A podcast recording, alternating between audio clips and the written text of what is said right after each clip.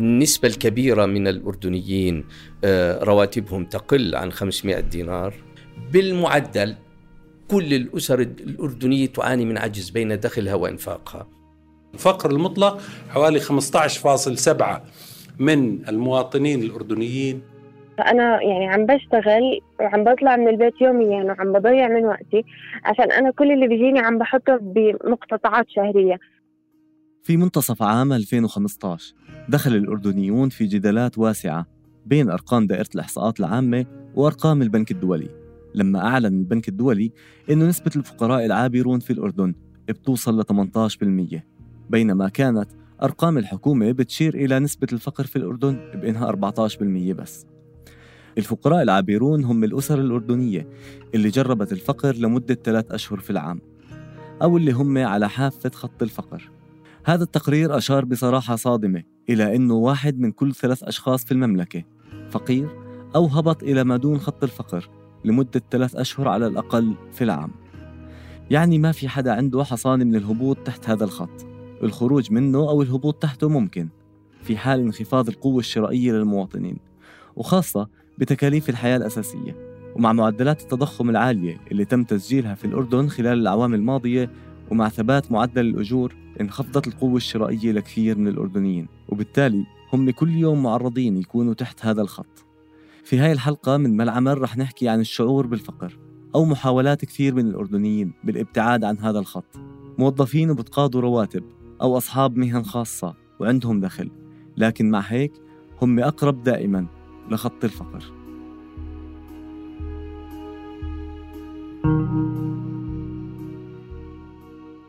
أنا معكم أنس ضمرة في حلقة جديدة من بودكاست ما العمل في الموسم الأول والثاني من العمل تعرفنا على العمال المهاجرين عن قرب وسمعنا منهم عن تجاربهم في الأردن وناقشنا السياسات اللي بتنظم سوق العمل وأثرها على هدول العمال.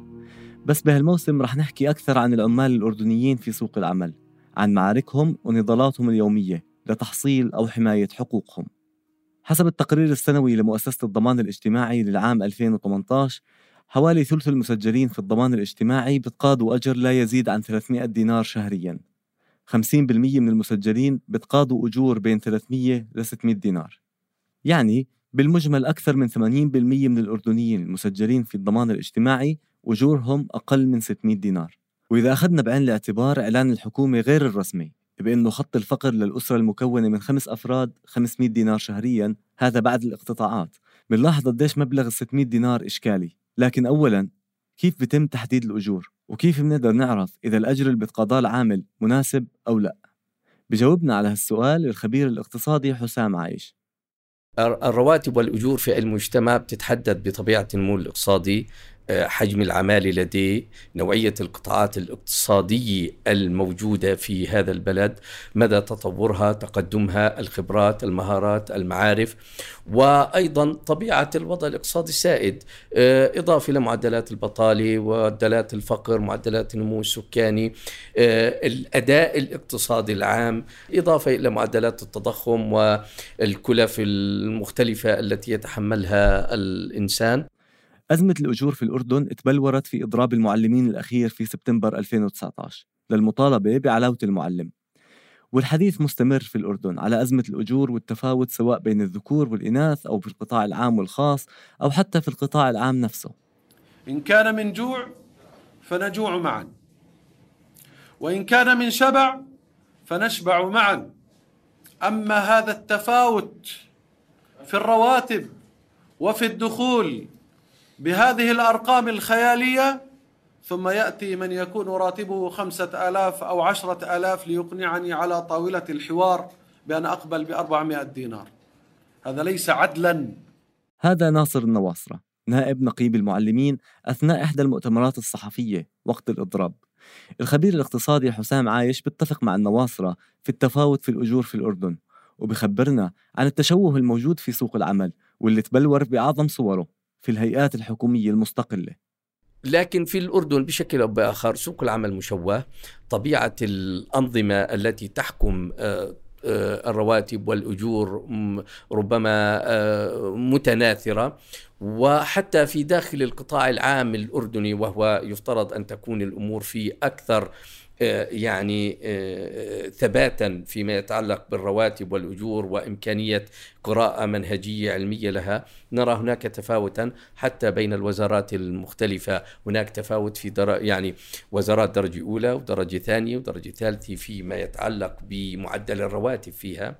أيضا عندما آه، نربط معدلات الأجور والرواتب بالمؤسسات أو الهيئات المستقلة الحكومية نرى أن هناك فجوة واضحة فيما يتعلق بين القطاع العام ممثلا بالحكومة والقطاع شبه العام مثلا بهذه المؤسسات. من 2012 تلقى الأردنيين عدد من القرارات الصعبة باعتراف الحكومة. كان أول هاي القرارات رفع الدعم عن المحروقات ورفع نسب اقتطاع الضمان الاجتماعي ورفع أسعار الكهرباء ورفع أسعار الخبز وقانون ضريبة الدخل الجديد اللي زاد قيمة الاقتطاعات الضريبية. نتيجة لهي القرارات وغيرها. بدأ نسبة كبيرة من الأردنيين بالاقتراب أو السقوط إلى ما دون خط الفقر. على إثر ذلك ارتفع خط الفقر للعام 2019 إلى 15.7% بالمقارنة مع 14.4 للعام 2010 كل القرارات الحكومية اللي ذكرناها ساهمت بارتفاع نسب التضخم وبالتالي تآكل دخل الأردنيين. نسبة الفقر الفقر المطلق. أنا ما بحكي الفقر النسبي كل كل واحد تراجعت قدرته الشرائية راح يحس أنه هو أفقر اليوم مما هو مما كان آه، امبارح. وهذه ظاهرة موجودة لكن هذا لا يعني الفقر المطلق. الفقر المطلق حوالي 15.7 من المواطنين الأردنيين في ضمن الفقر المطلق.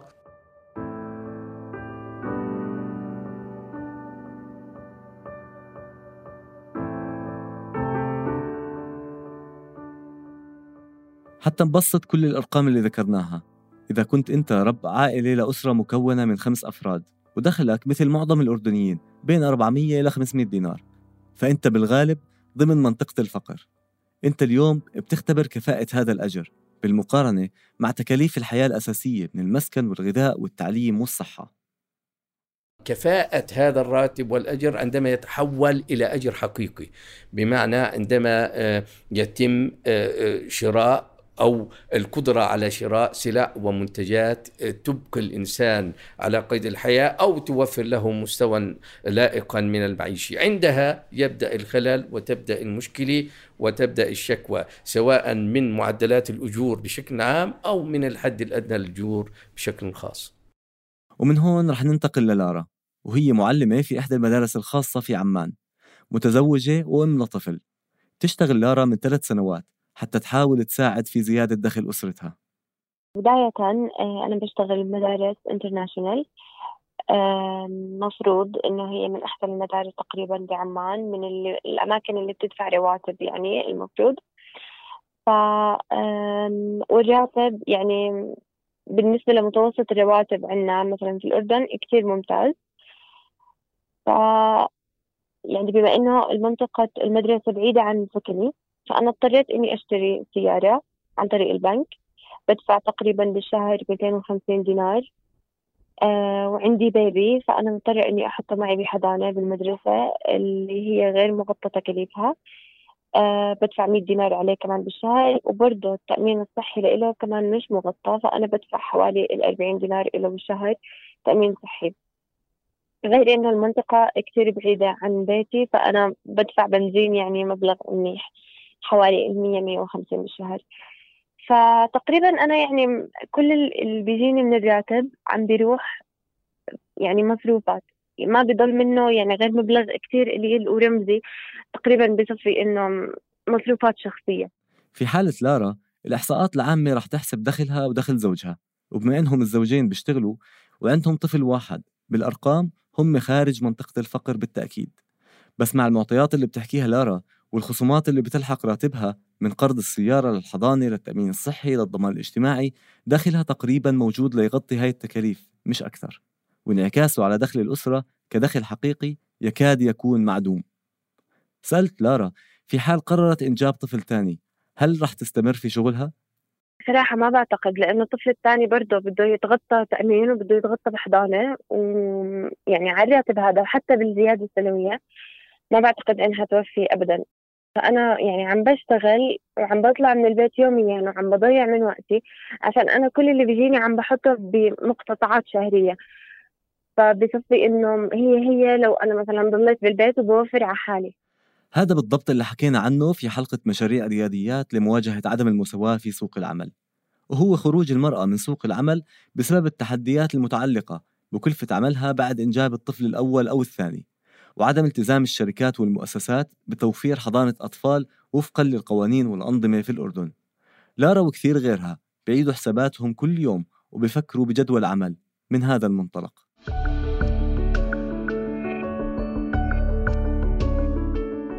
الشركات الصغيرة والمتوسطة في الأردن بتشكل 97% من الشركات في القطاع الخاص. وبتستوعب حوالي 60% من القوى العاملة وبتساهم ب 50% من الناتج المحلي الإجمالي. حسب دراسة لمنظمة العمل الدولية. نسبة كبيرة من الشركات الصغيرة تبدأ من خلال موظفين تركوا أعمالهم ليبدأوا مشاريع خاصة. بهالحلقة تعرفت على سلطان اللي بيملك مصنع في محافظة البلقاء في منطقة زي. من 2013 ترك سلطان وظيفته كمدير مالي وبدأ هذا المشروع لإنتاج الحلويات. المصنع كان آه، بالطريقة المخطط لها في بداية المشروع. كان يعني زي ما إحنا كنا مخططين وعاملين إحنا الموازنات التقديرية والمبيعات والشغلات هاي فكنا إحنا ماشيين حسب الخطة اللي رسمينها والأمور كانت تمام. في أول عامين يعني تقريبا 2013 كان ل 2014 ونقدر نقول 15 كمان. في السنوات اللي ما بعد 2015 صارت المواد الأولية ترتفع عنا أسعارها ترتفع. طبعا حسب يعني هذا الحكي بيرتبط في كثير شغلات اللي هي منها فرض ضرائب على بعض المنتجات اللي كنا ندفع فيها 4% 16% بعدين الوضع الأمني في سوريا كان حجب عنا بعض المواد يعني كنا نستخدمها مما أدى إلى ارتفاعها بشكل كبير. بالاضافه إلى آه، تجار مواد أولية اللي إحنا نتعامل معهم يعني آه، كانوا باستمرار يعني كل سنة يعني يفرضوا زيادات في في أسعار المواد الأولية. هلأ إحنا في هاي المشكلة برفع المواد الأولية وفرض ضرائب جديدة على بعض السلع وارتفاع المحروقات بشكل متزايد. تثبيت المحروقات كان بس يثبت ما ينزل في هذه الفترات فكان ارتفاع المحروقات بشكل متزايد فهون آه، صار عندك الكلف عالية مما أدى إلى إنه يعني يعمل كبح لجماح النشاط الاقتصادي تبعه. مش الهدف من الحلقة إنه نحكي عن قطاع الصناعة في الأردن لكن حديثي مع سلطان كان عن تحوله من موظف لصاحب عمل خاص ومشغل للعمالة. سلطان عم بحكي لنا التحديات اللي أثرت على نشاطه الاقتصادي طوال هاي الفترة وعن غياب أي دعم حكومي رسمي. أنا في عوام 13 و14 و15 كانت ناجحة بصراحة وكان عندي عمالة كويسة. و... وكانت بصراحة يعني كان في عائلات بحتاج للعمل واشتغلوا وكانوا في مناطق حتى التعليم يعني نسبة التعليم تبعتهم كانت قليلة جدا. ولما دخلوا على النشاط واشتغلوا يعني زادت قدراتهم وزادت خبراتهم. يعني أنا كصاحب يعني مؤسسة أو أو مشغل أو مصنع فأنا يعني بتمنى دائما يكون العماله عندي كثيرة لأنه أنت طالما العماله عندك كثيرة أنت عندك إنتاج كثير.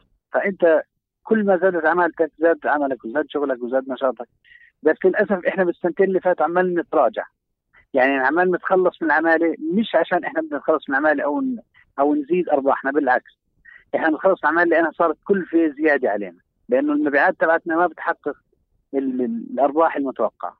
هذا التراجع اللي بيحكي عنه سلطان بينعكس بشكل مباشر على النمو الاقتصادي وعلى الإيرادات الحكومية.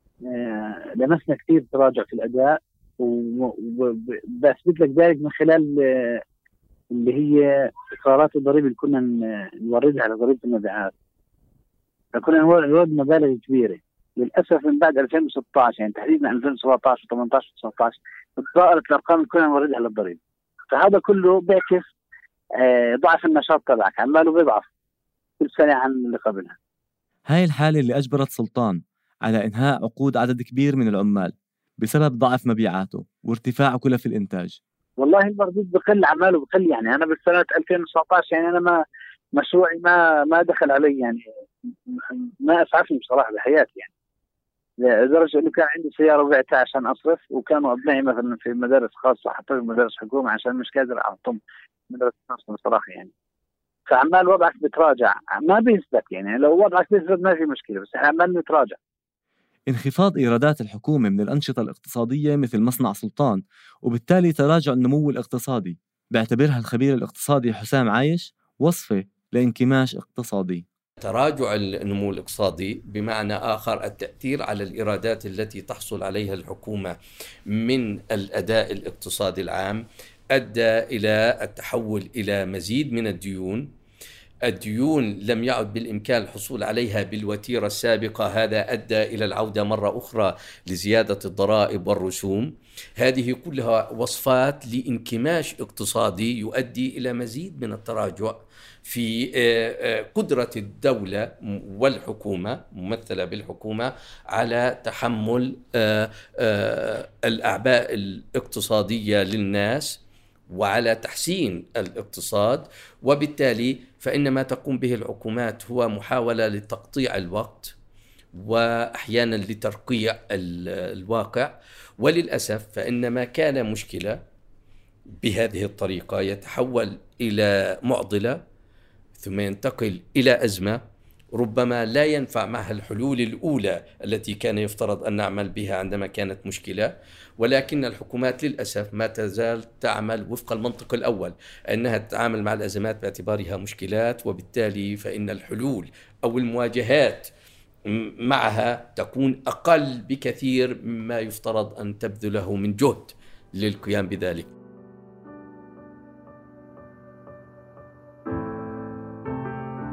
إذا اليوم نسبة كبيرة من الأردنيين وحسب أرقام الحكومة فقراء أو عايشين على حد الكفاف يعني بالكاد بتمكنوا من توفير متطلبات الحياة الأساسية من المسكن والمأكل.